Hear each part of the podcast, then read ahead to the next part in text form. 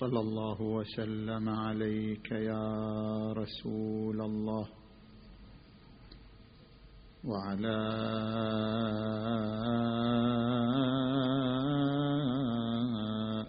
أهل بيتك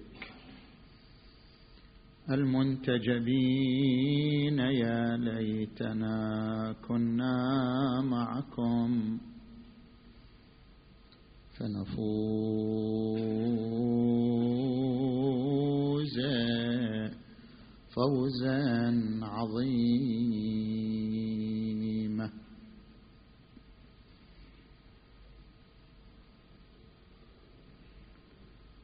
بعض الإخوة طلبوا أن نطرح بعض المسائل الفقهية قبل الدخول في المحاضرة.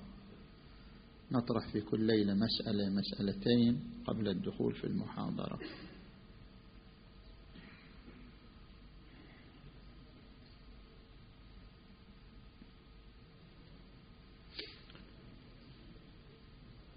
من المسائل المتعلقة بالسفر. هناك مسألة ابتلائية وهي خلافية أيضا بين السيد الخوئي قدس سره والسيد السيستاني دام ظله.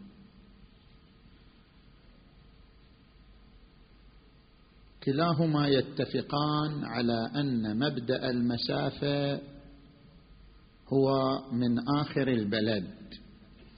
يعني إذا أردت أن تقطع مسافة شرعية فتبدأ عد المسافة من آخر بنيان البلد. آخر بنيان للبلد الذي أنت فيه تبدأ عد المسافة. لو فرضنا أن البنيان متصل لا ينقطع لا يعتبر مبدأ للمسافة إلا من آخر البنيان. هذا مورد اتفاق بينهما من حيث المبدأ هو آخر البلد. إنما الخلاف في المنتهى. السيد الخوئي يقول تحسب المسافة من آخر البلد الذي تخرج منه إلى أول البلد الذي تقصده. إذا المسافه بين البلدين بين آخر البلد الذي تخرج منه وأول البلد الذي تقصده.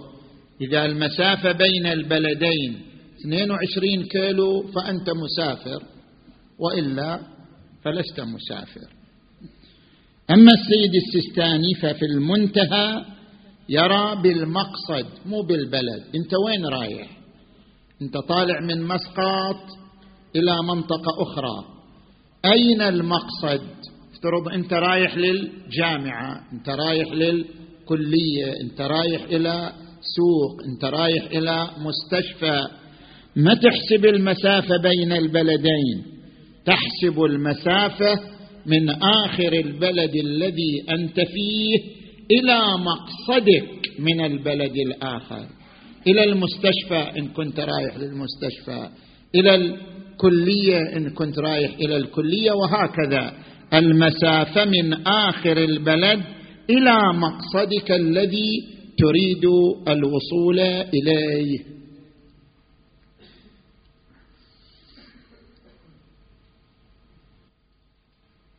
أعوذ بالله من الشيطان الغوي الرجيم. بسم الله الرحمن الرحيم.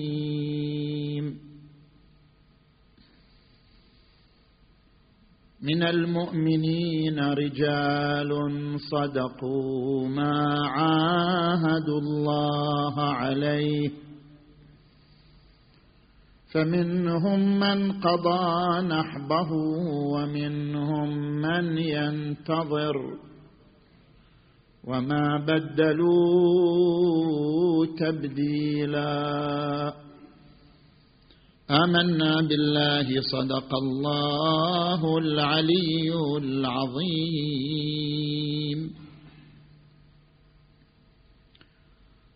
انطلاقا من الآية المباركة نتحدث في محاور ثلاثة. في تأثر الإسلام بالثقافة العربية وفي فلسفة التقية وفيما حققه أبو طالب من منهج التوازن بين الفكر والمحيط. نأتي إلى المحور الأول. هل الإسلام في مسيرته تأثر بالثقافة العربية؟ هل انعكست الثقافة العربية على الإسلام؟ وبعبارة أخرى الإسلام عندما جاء وأحدث تغييرا في المجتمع العربي. هل أن الإسلام قلب الطاولة بمعنى أنه غير المجتمع العربي بجميع مستوياته وبجميع مجالاته أم أن التغيير اقتصر على نقاط معينة ومجالات معينة؟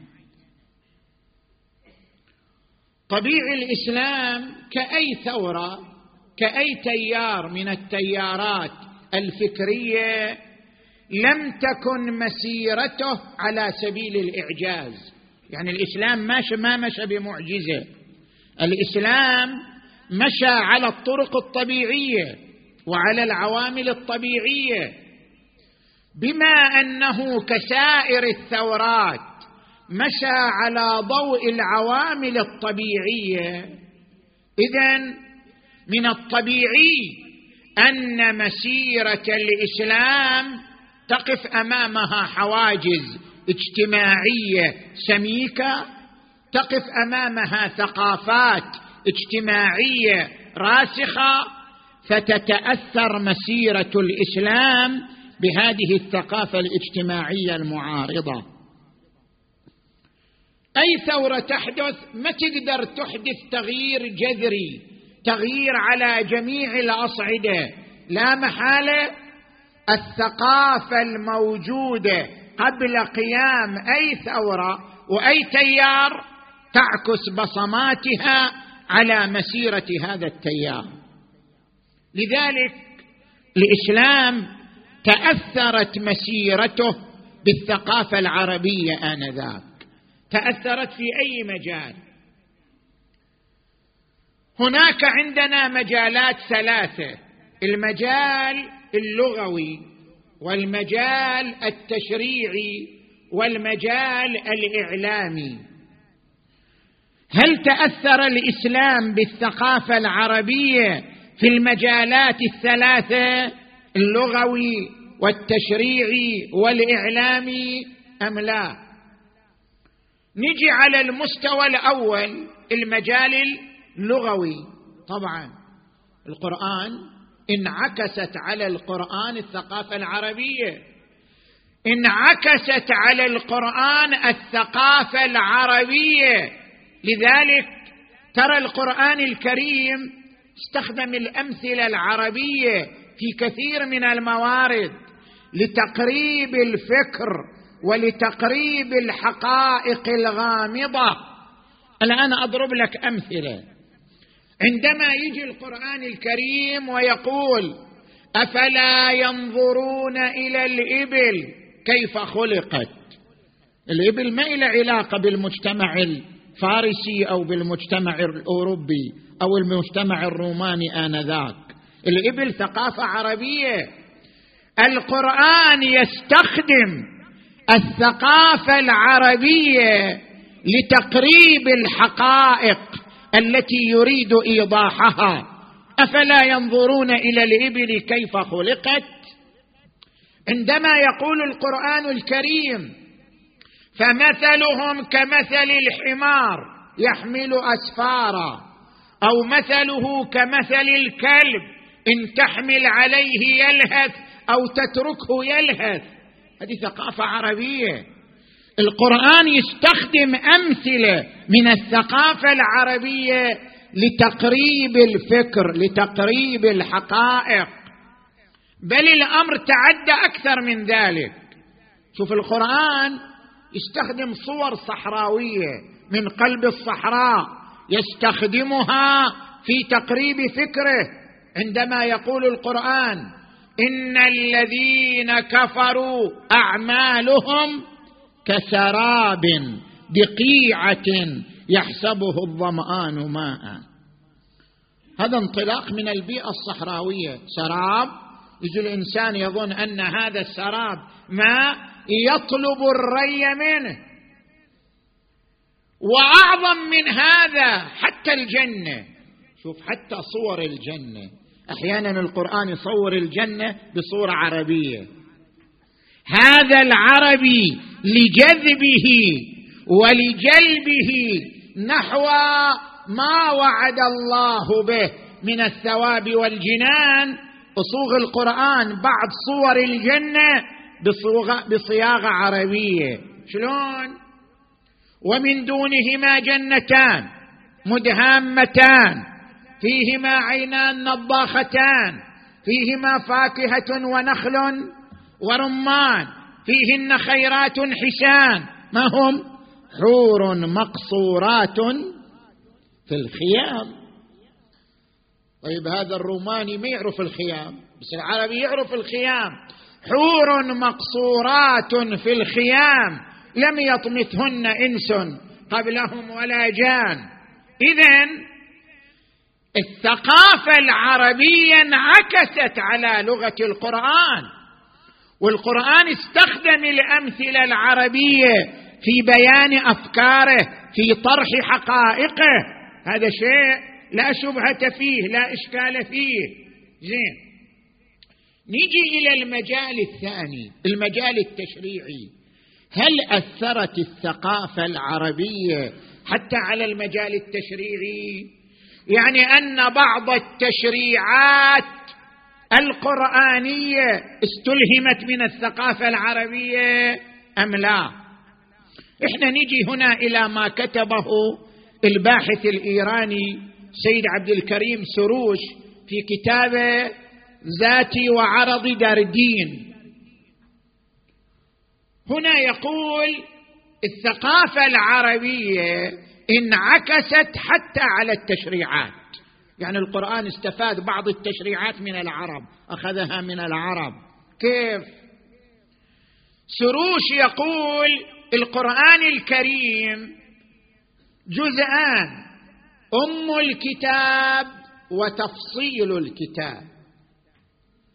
القرآن عندما يقول إنا أنزلناه قرآنا عربيا لعلكم تعقلون وإنه في أم الكتاب لدينا لعلي حكيم.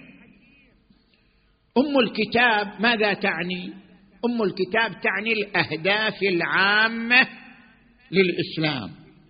كل الآيات التي تتحدث عن الأهداف العامة للإسلام يعبر عنها بأم الكتاب. مثلا قوله تعالى ولقد كرمنا بني آدم وحملناهم في البر والبحر قوله تعالى يا أيها الناس إنا خلقناكم من ذكر وأنثى وجعلناكم شعوبا وقبائل لتعارفوا قوله تعالى مثلا إن الله يأمر بالعدل والإحسان وإيتاء ذي القربى هذه كلها أهداف عامة.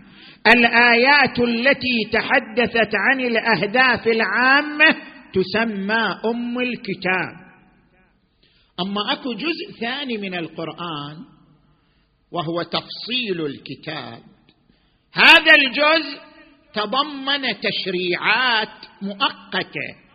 هذه التشريعات المؤقتة فرضتها الثقافة العربية. شلون فرضتها الثقافة العربية؟ هل أضرب لك أمثلة؟ هو يذكر أمثلة طبعا. هو يقول المجتمع العربي قبل ما يجي الإسلام مجتمع ذكوري يقدس الذكر ويحتقر الأنثى. بما أن المجتمع العربي قبل الإسلام كان مجتمع ذكوري لذلك كان يحرم الأنثى من كثير من الامتيازات. من كثير من المناصب. القرآن ما صدم الثقافة الذكورية لا. وإنما خففها. يعني القرآن اوجد تشريعات لا تصطدم مع الثقافة الذكورية وفي نفس الوقت لا تقتلعها. كيف؟ خل أضرب لك أمثلة. يعني مثلا العرب كانت ترى أن للرجل الدور الاقتصادي الرجل هو اللي يحرك الاقتصاد. المرأة مجرد عيال أو خادم. المرأة ما لها علاقة بالاقتصاد. لذلك المجتمع الجاهلي ما كان يعطي المرأة نصيب من الإرث أصلا لانها هي مجرد عيال وخادم لا نصيب لها من الإرث. لما جاء الإسلام هو يريد يحرر المرأة. هو يريد يعطي المرأة ارثا كاملا لكنه وقف موقفا وسطا. لم يصادم الثقافة الذكورية حتى لا تشكل عائق أمامه ومعارضة مشاكسة له. ومن جهة ما أراد أن يحرم المرأة من إرثها. فشنو قال؟ قال للذكر مثل حظ الأنثيين. أعطى المراه نصف سهم حتى يحقق توازن. لا هو ضرب الثقافه الذكورية ولا هو حرم المرأة. أعطاها نصف سهم من الميراث. لكن هذا بنظر سروش هذا مجرد تشريع مؤقت. ما نقدر نعمل بك تشريع دائم. يعني في زمننا هذا حيث تحرر المجتمع من الثقافة الذكورية اذا ينبغي أن نعمل بالأهداف العامة لأم الكتاب. ما نعمل بهذه التشريعات المؤقتة التي وردت في تفصيل الكتاب؟ تعطى المرأة سهما كسهم الرجل. تجي مثلا إلى تشريع آخر. نلاحظ القرآن الكريم يقول فإن لم يكونا رجلين فرجل وامرأتان ممن ترضون من الشهداء أن تضل إحداهما فتذكر إحداهما الأخرى. شهادة امرأتين بشهادة رجل. نفس الشيء. الجاهلية ما كانت تعترف بالمرأة ولا تقبل شهادة لها أصلا. زين؟ القرآن جاب حل وسط. لا هو ضرب الثقافة الذكورية ولا هو حرم المرأة. فقبل شهادة المرأة لكن جعل شهادتين بشهادة رجل. هذا تشريع مؤقت فقط. أما الآن حيث أصبحت المرأة مثقفة ومتعلمة زين فشهادتها تعادل شهادة الرجل. نرجع للأهداف العامة المساواة بين الذكر والأنثى. تجي إلى مثال ثالث القوامة. القرآن يقول الرجال قوامون على النساء. طبعا المجتمع العربي آنذاك هي النساء شنو عنده؟ المرأة عنده سلعة. زين؟ ما لها أي قيمة. القرآن جارى الثقافة الذكورية ولم يصادمها فجعل القوامة للرجل. إلا أن يخل بالقوامة. إذا سروش يقول كل هالتشريعات التي جاءت في المرأة هي نتيجة الثقافة الذكورية للمجتمع العربي. الثقافة الذكورية للمجتمع العربي فرضت نفسها على القرآن.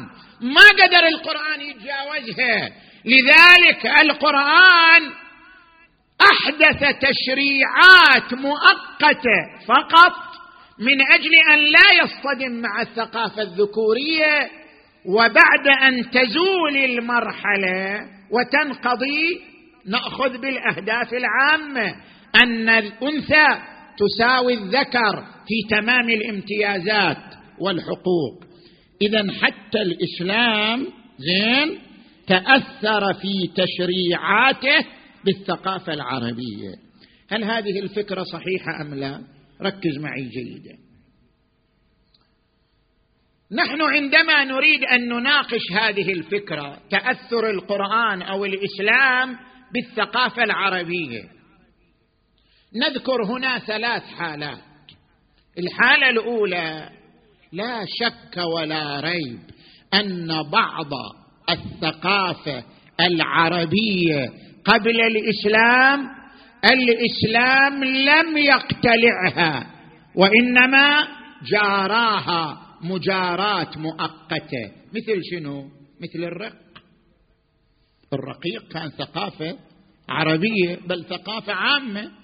الرقيق الاسترقاق كان ثقافة عالمية قبل الإسلام مو فقط ثقافة عربية. الإسلام ما جاء واقتلع الرق مرة واحدة. جارى هذه الثقافة. يعني شلون جاراها لأنها كانت تشكل العمود الفقري للاقتصاد. الرقيق هم الذين يديرون السوق. الرقيق هم الذين يقودون القوافل. الرقيق هم الذين يديرون المنازل والمجالس. كل شيء كان بيد الرقيق آنذاك بيد العبيد. لو جاء الإسلام وألغى ظاهرة الرق لأحدث شللا اقتصاديا واضحا ولحاربه الكل. فاذا من هنا الإسلام ما ألغى الرق لكن ما أقره اقرارا دائما. لذلك من تلاحظ الآيات القرآنية؟ ما تشوف فيها تشريع للرق مجارات لما هو موجود. يعني القرآن عندما يأتي ويقول والذين هم لفروجهم حافظون إلا على أزواجهم أو ما ملكت أيمانهم. مجارات للواقع. عندما يجي يقول ضرب الله مثلا عبدا مملوكا لا يقدر على شيء. يستخدم مثال من أرض الواقع. بس ما عندنا آية شرعت الرق. بينما أحكام المرأة آيات تصدت لتشريعها. أحكام المرأة تصدت آيات لتشريعها. بينما الرق ما عندنا آية تصدت لتشريعه. وإنما لسان الآيات لسان المجارات للوضع الموجود. زين؟ لأجل ذلك نقول نعم هنا الإسلام ما ألغى الرق وإنما جاراه لفترة مؤقتة. هذه الحالة الأولى. الحالة الثانية أن الإسلام أقر تشريعات موجودة قبله. قبل ما يجي كان في تشريعات أقرها الإسلام وبقيت تشريعات ثابتة. مثل شنو؟ الان أضرب لك أمثلة. عبد المطلب رضي الله عنه جعل الدية دية القتل مئة ناقة حمراء. عندما جاء الإسلام أقر الأمر كما هو. أصبحت الدية نفس الدية التي شرعها عبد المطلب. مئة ناقة حمراء دية القتل. ما غير الرسول هذا الأمر أمضاه وأصبح تشريع دائم. تيجي مثلا لمثال آخر الخمس. خمس الغنيمة خمس غنيمة الحرب. شنو كان قبل قبل الإسلام؟ قبل الإسلام إذا غزت قبيلة قبيلة يحصلون على الغنائم. إذا حصلوا على الغنائم وين تروح الغنائم؟ ربع الغنيمة لمن؟ للقائد. والبقية يوزعوها على الجنود لكن الربع لمن؟ ربع الغنيمة يكون للقائد وثلاثة أرباع للجنود المقاتلين. الإسلام لما جه سوى حولها من ربع إلى خمس. هي نفسها. ولذلك يقول الشاعر لك المرباع منها والصفايا وحكمك والنشيطة والفضول كانوا يأخذون الربع. جاء الإسلام قال واعلموا أن ما غنمتم من شيء فأن لله خمسه وللرسول ولذي القربى واليتامى والمساكين. غنيمة الحرب من الربع إلى الخمس. غاية ما في الأمر الخمس يرجع إلى الرسول لا كملك شخصي. لا مثل ما في الجاهلية القائد يصير إلى ملك شخصي. لا يرجع إلى الرسول والرسول صلى الله عليه وآله يملك على جهة النبوة لا على جهة شخصية فيصرفه في مصارفه. زين؟ مثلا تجي إلى الحج. قول الحج هذا من زمن إبراهيم الخليل. إسلام نفس النسك اللي كانت على زمن إبراهيم الخليل وامتدت إلى عصر النبي أقرها النبي محمد.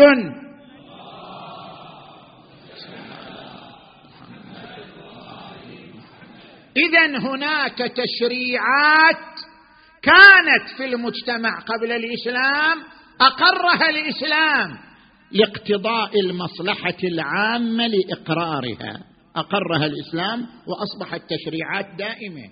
نجي للحالة الثالثة. الحالة الثالثة هي اللي أثارها سروش في كتابه ذاتي وعرضي دردين الذاتي والعرضي في الدين أو من الدين. زين. مسألة أحكام المرأة. قال لك هذه أحكام المرأة هذه كلها تشريعات مؤقتة جارى بها القرآن الثقافة الذكورية آنذاك ليس إلا. هل هذه الفكرة صحيحة أم لا؟ إحنا عندنا ملاحظة على هذه الفكرة. اولا القرآن استخدم نفس الأسلوب في التشريعات الدائمة. يعني القرآن عندما جاء إلى الصلاة طرح خطاب مطلق أقم الصلاة لدلوك الشمس إلى غسق الليل وقرآن الفجر إن قرآن الفجر كان مشهودا. عندما جاء إلى المعاملات قال أحل الله البيع وحرم الربا. عندما جاء إلى مثلا آه، التجارة قال ولا تأكلوا أموالكم بينكم بالباطل إلا أن تكون تجارة عن تراض هذه التشريعات طرحها بأسلوب مطلق يعني مو مقيد بزمن ولا بحالة. نفس الأسلوب استخدم في أحكام المرأة. لما جلي أحكام المرأة أيضا طرحها بأسلوب شنو؟ مطلق. ولم يقيدها القرآن بزمن ولم يقيدها بحالة ولم يقيدها بوضع. إيش معنى أنت تجي؟ عندما تجي لآيات الصلاة تقول لا هذه تشريعات دائمة. لكن عندما تجي للتشريعات المتعلقة بالمرأة تقول لها هذه تشريعات شنو؟ مؤقتة. شنو الفرق بينهما؟ الأسلوب هو نفس الأسلوب. الآيات التي تحدثت عن العبادات والمعاملات مطلقة والآيات التي تحدثت عن أحكام المرأة مطلقة. ليش الآيات اللي تحدث عن أحكام المرأة نعتبرها تشريعات مؤقتة؟ بينما الآيات الأخرى نعتبرها تشريعات دائمة. زين؟ هذا التفصيل يتنافى مع سياق القرآن الكريم. ولذلك النبي محمد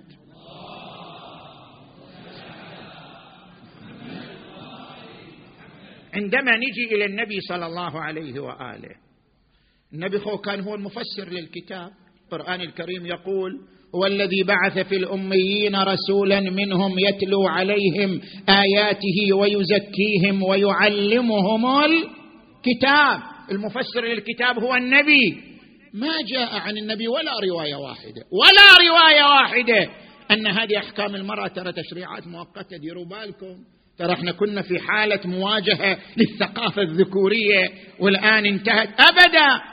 ما جاء عن النبي أي قرينة تدل على أن هذه تشريعات مؤقتة مع أن التفسير كان من مختصات النبي صلى الله عليه وآله. زين؟ هذه اولا. ثانيا عندما استقرت الدولة الإسلامية والنبي أقام دولة زين؟ ورسخت الدولة وتغير المجتمع من مجتمع جاهلي إلى مجتمع مسلم. مع ذلك لم يرفع هذه التشريعات. لو كانت تشريعات مؤقتة لأرفعها النبي ونسخها بعد أن استقرت دولته لكنه ما نسخها. الأئمة من بعده زين من الإمام علي إلى الإمام الحسن العسكري. ما جاءتنا رواية ناسخة لهذه التشريعات مبينة لضيقها وتوقيتها. اذا من أين إحنا نستفيد أنها تشريعات مؤقتة لمجاراه الثقافة الذكورية؟ زين. ثالثا الإسلام حارب أشياء أعظم أعظم من الثقافة الذكورية ومع ذلك حاربها. الربا. الربا كان وسيلة اقتصادية ربحية شائعة في المجتمع العربي آنذاك بل في المجتمع العالمي آنذاك. مع ذلك الإسلام بكل جرأة الغاه قال أحل الله البيع وحرم الربا. وقال يا أيها الذين آمنوا ذروا ما بقي من الربا. إن كنتم مؤمنين فإن لم تفعلوا فأذنوا بحرب من الله ورسوله. وإن تبتم فلكم رؤوس أموالكم لا تظلمون ولا تظلمون لا تظلمون ولا تظلمون. إيش معنى؟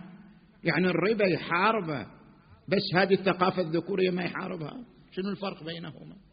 هل كان تشبث المجتمع العربي باحتقار المرأة أشد من تشبثه بالربا؟ ابدا. ومع ذلك القرآن حارب الربا. القرآن حارب أكل الميتة وهي شائعة في الجاهلية.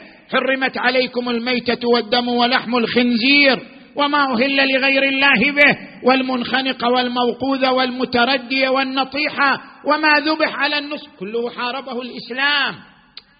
اذا بالنتيجة عندما يحارب الإسلام عادات وتقاليد عربية بلا توقف.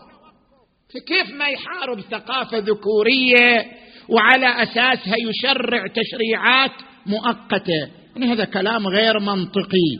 كلام لا يصمد أمام النقد العلمي. لذلك هذه آيات تعتبر تشريعات دائمة. زين. اذا الثقافة العربية انعكست على الإسلام في لغته لكن ما انعكست على الإسلام؟ في شنو؟ في تشريعاته. زين نجي إلى المجال الثالث. هل انعكست الثقافة العربية على الإسلام في المجال الإعلامي؟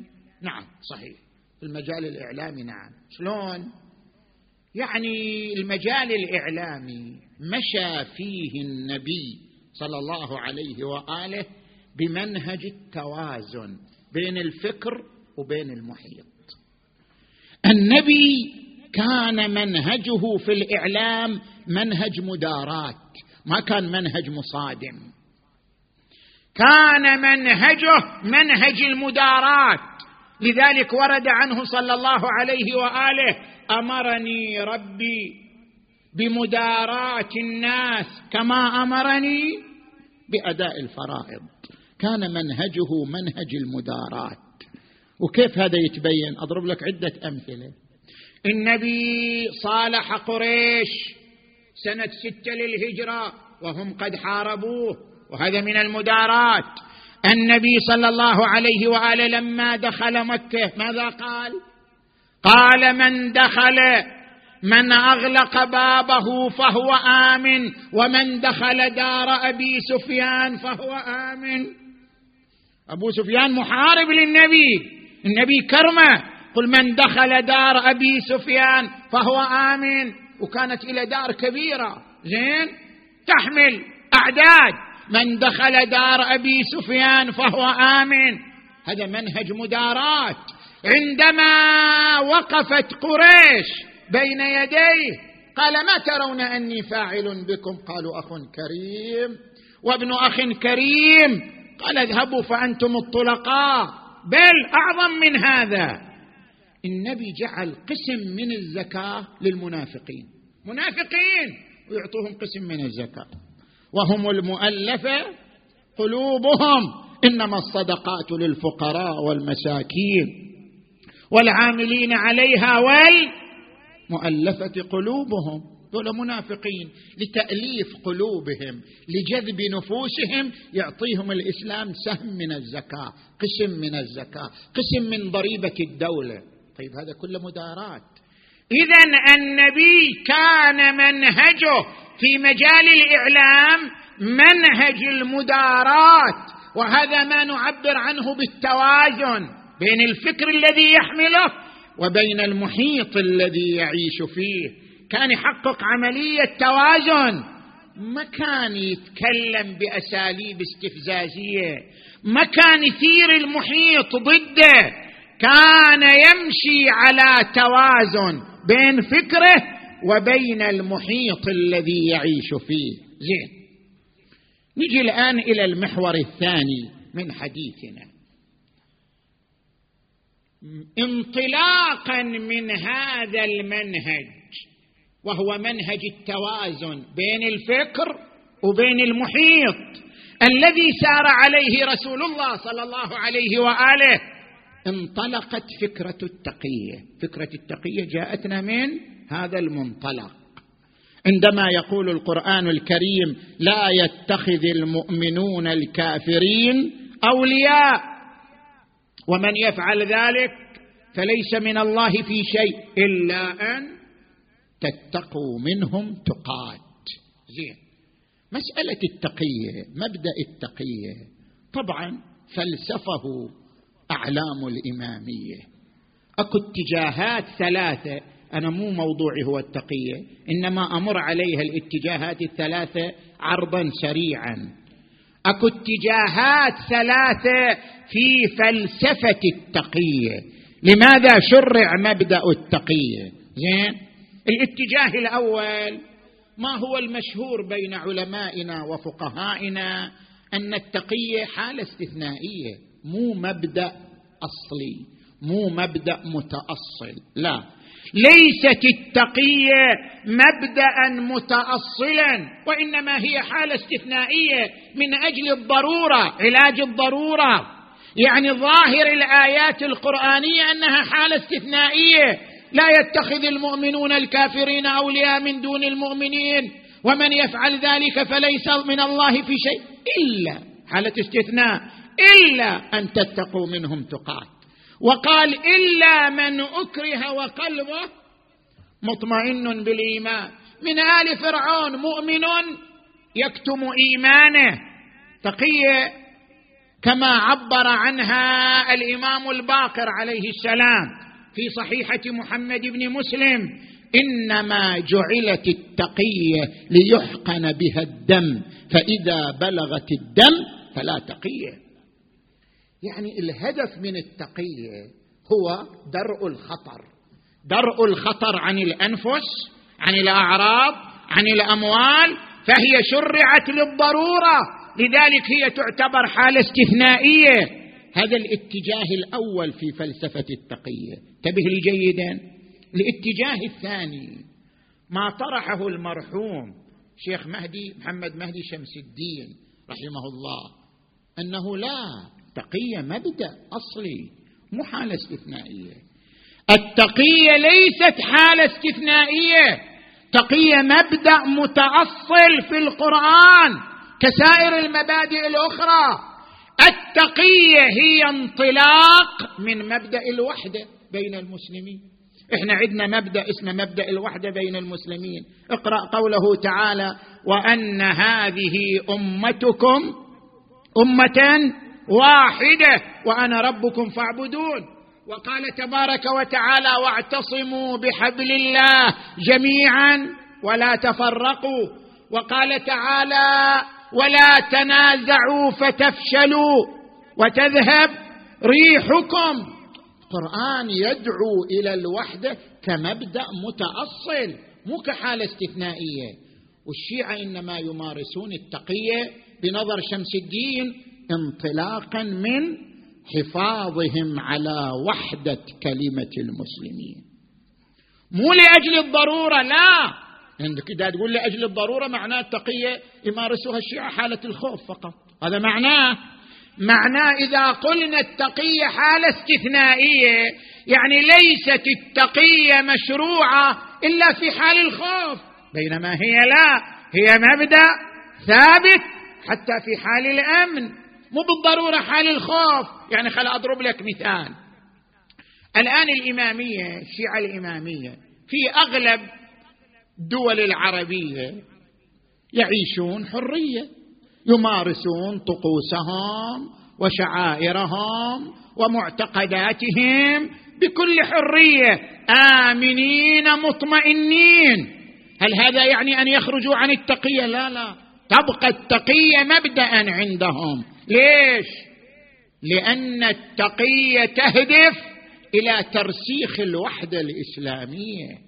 أي أن الشيعة يركزون على الأهداف المشتركة والقضايا المشتركة بين المسلمين ولا يركزون على قضاياهم الخاصة انطلاقا من مبدأ الوحدة وحدة الكلمة جاء تشريع شنو؟ التقية. هذا اتجاه ثاني في فلسفة التقية. الاتجاه الثالث هو هذا اللي تحدثنا عنه اولا. التقية هي تخطيط إعلامي. شلون تخطيط إعلامي؟ يعني أنت إذا عندك فكر شلون تنشره؟ كيف تنشر فكرك؟ أنت عندك فكر مختلف عن المحيط. إذا كان لديك فكر مختلف عن المحيط الذي أنت فيه كيف تنشر فكرك المختلف عن المحيط؟ تنشره على منهج التوازن. بين الفكر وبين المحيط. ما هو منهج التوازن؟ منهج التوازن يعتمد على ثلاثة أمور. اولا التدرج في طرح الفكرة. لا تطرح دفعه واحدة اطرحها بشكل تدريجي. ثانيا لا تستخدم أساليب استفزازية. استخدم دائما أساليب جاذبة أساليب حوارية لا أساليب استفزازية. ثالثا استغل الفرص والظروف المناسبة لطرح فكرك.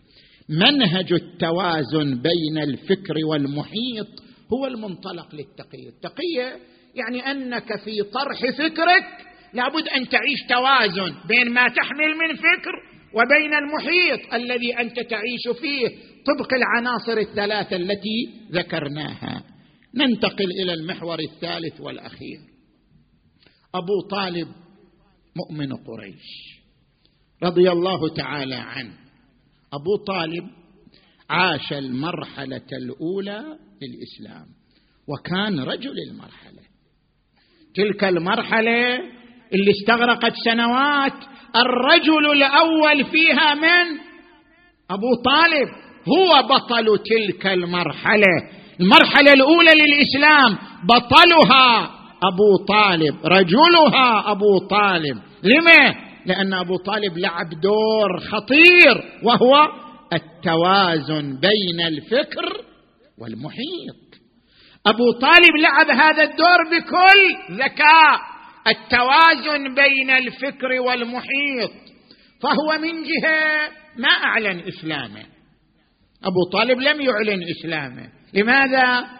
لأن أبو طالب كان هو الواجهة واجهة قريش وكانوا يسمونه شيخ الأبطح هو خليفة والده أبي عبد المطلب. كان شيخ الأبطح كان له موقعية في قريش وقريش كانت وثنية طبعا ما كانت تؤمن. زين؟ تعبد الأصنام. فأبو طالب لم يعلن إسلامه حفاظا على موقعيته عند قريش. لأنه لو أعلن إسلامه لحاربوه وإذا حاربوه خسر هذه الموقعية. وهذه الموقعية كانت مهمة. ليش كانت مهمة؟ هذه الموقعية كانت حصنا منيعا للرسول محمد.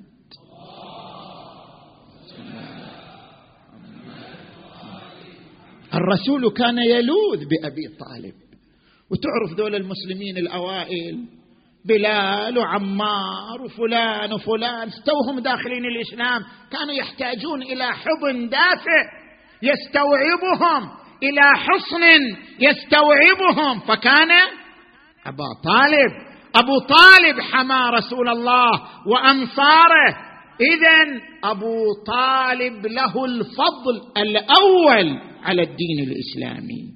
أبو طالب حمى هذه الدعوة الفتية الدعوة المحمدية. أبو طالب بهذا المنهج منهج التوازن بين الفكر والمحيط حافظ على الدعوة تنمو بشكل تدريجي هادئ وتتبرعم في النفوس. من دون أن تتعرض للخطر من دون أن تتعرض للإبادة من دون أن تتعرض للمواجهة. لذلك ورد عن الإمام الصادق عليه السلام إن جبرائيل نزل على النبي صلى الله عليه وآله قال يا رسول الله إن أصحاب الكهف أظهروا الشرك وأسروا الإيمان فآتاهم الله أجرهم مرتين وإن عمك أبا طالب أسر الإيمان فآتاه الله أجره مرتين. أبو طالب ما يحتاج إحنا نجيب أدلة على الإيمان وكذا ضيع الوقت. إيمان أبي طالب واضح. اقرأ الكتب المختلفة. أقوى أدلة إيمانه شعره الذي اشتهر بين العامة والخاصة. مثلا عندما تأتي إلى ما يذكره ابن الأثير في أسد الغابة وما يذكره الحلبي في السيرة الحلبية والألوسي في تفسيره من شعر أبي طالب عندما يقول إن عليا وجعفرا ثقتي عند ملم الزمان والنوب والله لا أخذل النبي ولا يخذله من يكون من حسبي لا تخذلا وانصر ابن عمكما. أخي لأمي من بينهم وأبي. تعال أيضا إلى ما يذكره. ما يذكره آخرون. عندما نجي إلى ابن حجر في فتح الباري ينقل عن البخاري في كتابه التاريخ الصغير أنه روى هذين البيتين عن أبي طالب. لقد بعث الله النبي محمدا.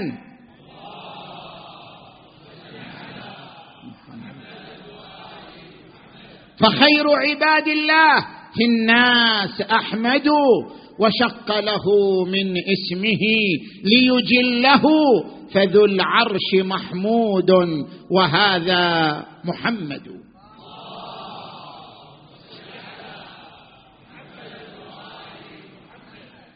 عندما تأتي لما يرويه ابن كثير في نهايته عن أبي طالب ألم تعلموا انا وجدنا محمدا رسولا؟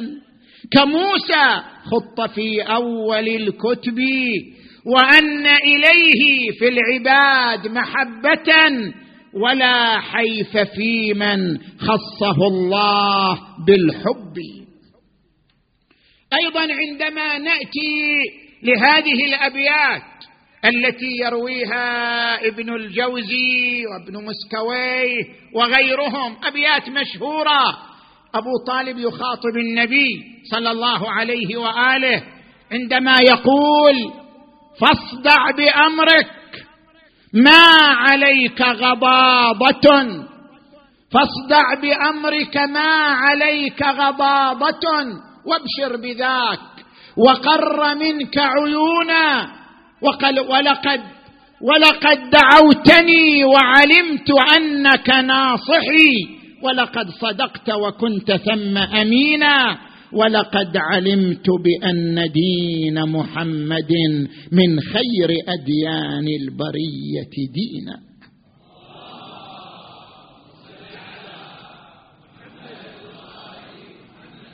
اذا هذا الشعر ينطق بالإيمان ينطق بالعلاقة الوثيقة مع الله عز وجل. لذلك صاحب البحار الشيخ المجلسي يقول أجمعت الشيعة على أن أبا طالب ما عبد صنما وأن أبا طالب من أول من آمن.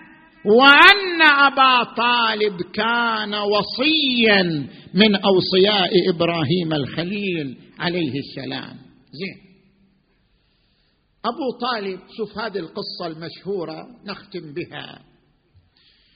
الزيلعي في تاريخ الحديث في تخريج الحديث ينقل عن البيهقي في دلائل النبوة وغيره.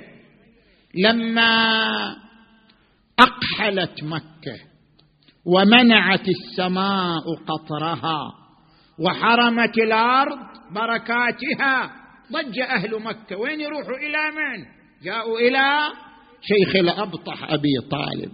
مع أنهم وثنيون لكن جاءوا إلى أبي طالب. جاءوا إلى أبي طالب وقالوا أنقذنا. لقد منعت السماء قطرها. وحرمتنا الأرض بركاتها أنقذنا. كيف ينقذهم أبو طالب؟ يقول المؤرخون فخرج أبو طالب وبيده طفل صغير أبيض الوجه قطط الشعر. أقبل بذلك الطفل وأسنده إلى ظهر الكعبة. زين أسند ظهره إلى جدار الكعبة. قال يا بني أشر بإصبعك إلى السماء. أشر بإصبعك إلى السماء. فرمق الطفل الصغير وهو رافع إصبعه إلى السماء. فامتلأت السماء سحابا حتى أمطرت أهل مكة إلى أن صاح بعضهم الغرق الغرق. فقال أبو طالب وأبيض يستسقى الغمام بوجهه. ثمال اليتامى عصمة للأرامل تطوف به الهلاك. يعني من يوم هو طفل بنو هاشم يدور حوله وهو طفل صغير تطوف به الهلاك. من آل هاشم فهم عنده في نعمة وفواضل.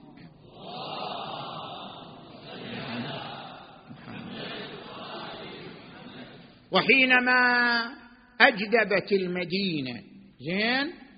أقبل الأعراب إلى رسول الله في المدينة قالوا يا رسول الله ما بقي لنا بعير يئط ولا غنم يغط. يعني الدنيا كلها قاحلة مقفرة.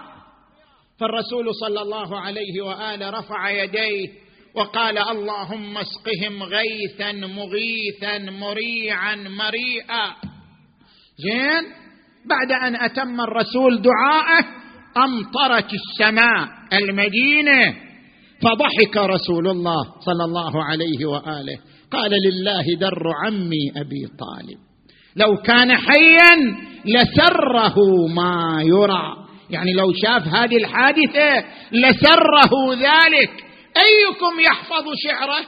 من يحفظ شعر أبي طالب؟ فقام إليه عمر بن الخطاب. قال يا رسول الله لعلك تقصد قوله وما حملت من ناقة فوق رحلها أبر وأوفى ذمة من محمد.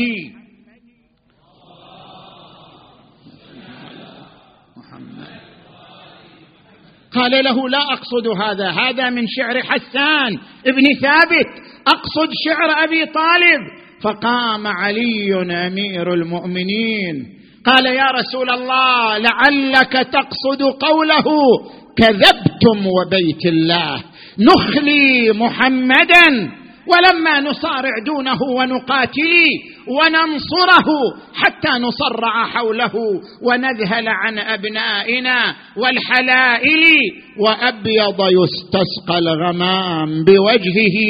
ثمال اليتامى عصمة للأرامل تطوف به الهلاك من آل هاشم فهم عنده في نعمة وفواضل. فدمعت عينا رسول الله. قال صدقت هو هذا؟ تذكر عمه ابا طالب تذكر تلك الحادثة عندما وقف على عمه وهو مسجى على فراش الموت. وعندما قام بإلحاده عندما وقف عليه وهو في كفنه وسالت دموعه على خديه كأنه يقول فقدت ناصري فقدت معتمدي فقدت عضدي حينما فقدتك يا عم يا أبا طالب. هذه الحادثة تتكرر ها الرسول يقف على جسد عمه أبي طالب باكيا.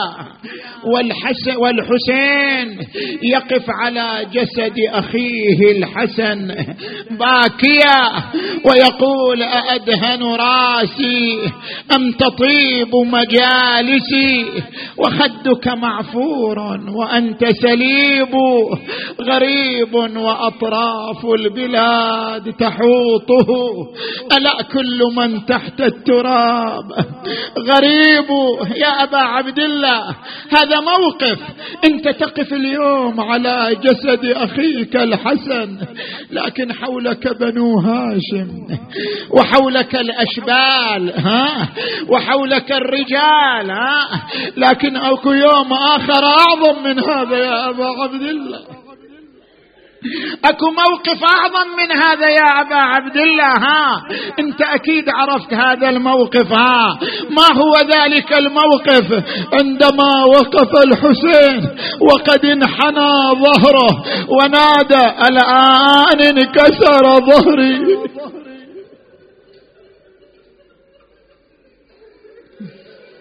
هذا موقف يقطع القلوب. آه. أينما التفت رأى السهام والرماح والنبال. الآن انكسر ظهري. الآن فلت شوكتي. الآن شمت بي عدوي انحنى عليه ها يريد أن يرفعه وإذا به مقطوع الكفين والسهم نابت في عينيه الله يساعد أبو علي ها الله يساعده في هالموقف العظيم. نقرأ هالأبيات. أبيات ابن نصار إلا أنت تحفظها. أبيات في هذه الواقعة. يا خويا انكسر ظهري ولا أقدر اقوم صرت مركز يا خويا لكل الهموم يا خويا استوحدوني بعدك القوم. ولا واحد علي اليوم ينغر. يا خويا العالم قل لي وين أودي؟ يا نور العين دربي بش جدي نكث راسه يا يا يا. وشم وش بكيده وصاح حسين خويا الله أكبر. ويلي وصاح حسين خويا الله. يا يا يا يا. الله يا وكما يا يار. لمن اللواء أعطيه ومن هو جامع شملي وفي ضنك الزحام يقيني عباس كبش كتيبتي وكنانتي. وسري قومي بل أعز حصوني. يا الله. اللهم بحق الحسين الوجيه وجده وأبيه وأمه وأخيه والتسعة من بنيه. اللهم اغفر ذنوبنا واستر عيوبنا وكفر عنا سيئاتنا وتوفنا مع الأبرار واجعلنا في هذا الشهر الشريف من عتقائك من جهنم وطلقائك من النار وسعداء خلقك بمغفرتك ورضوانك يا أرحم الراحمين. اللهم صل على محمد وآل محمد. اللهم كن لوليك الحجة بن الحسن. صلواتك عليه وعلى آبائه في هذه الساعة وفي كل ساعة. وليا وحافظا وقائدا وناصرا ودليلا وعينا حتى تسكنه أرضك طوعا وتمتعه فيها طويلا برحمتك يا أرحم الراحمين وإلى أرواح أمواتكم وأموات المؤمنين والمؤمنات الفاتحة تسبقها الصلوات.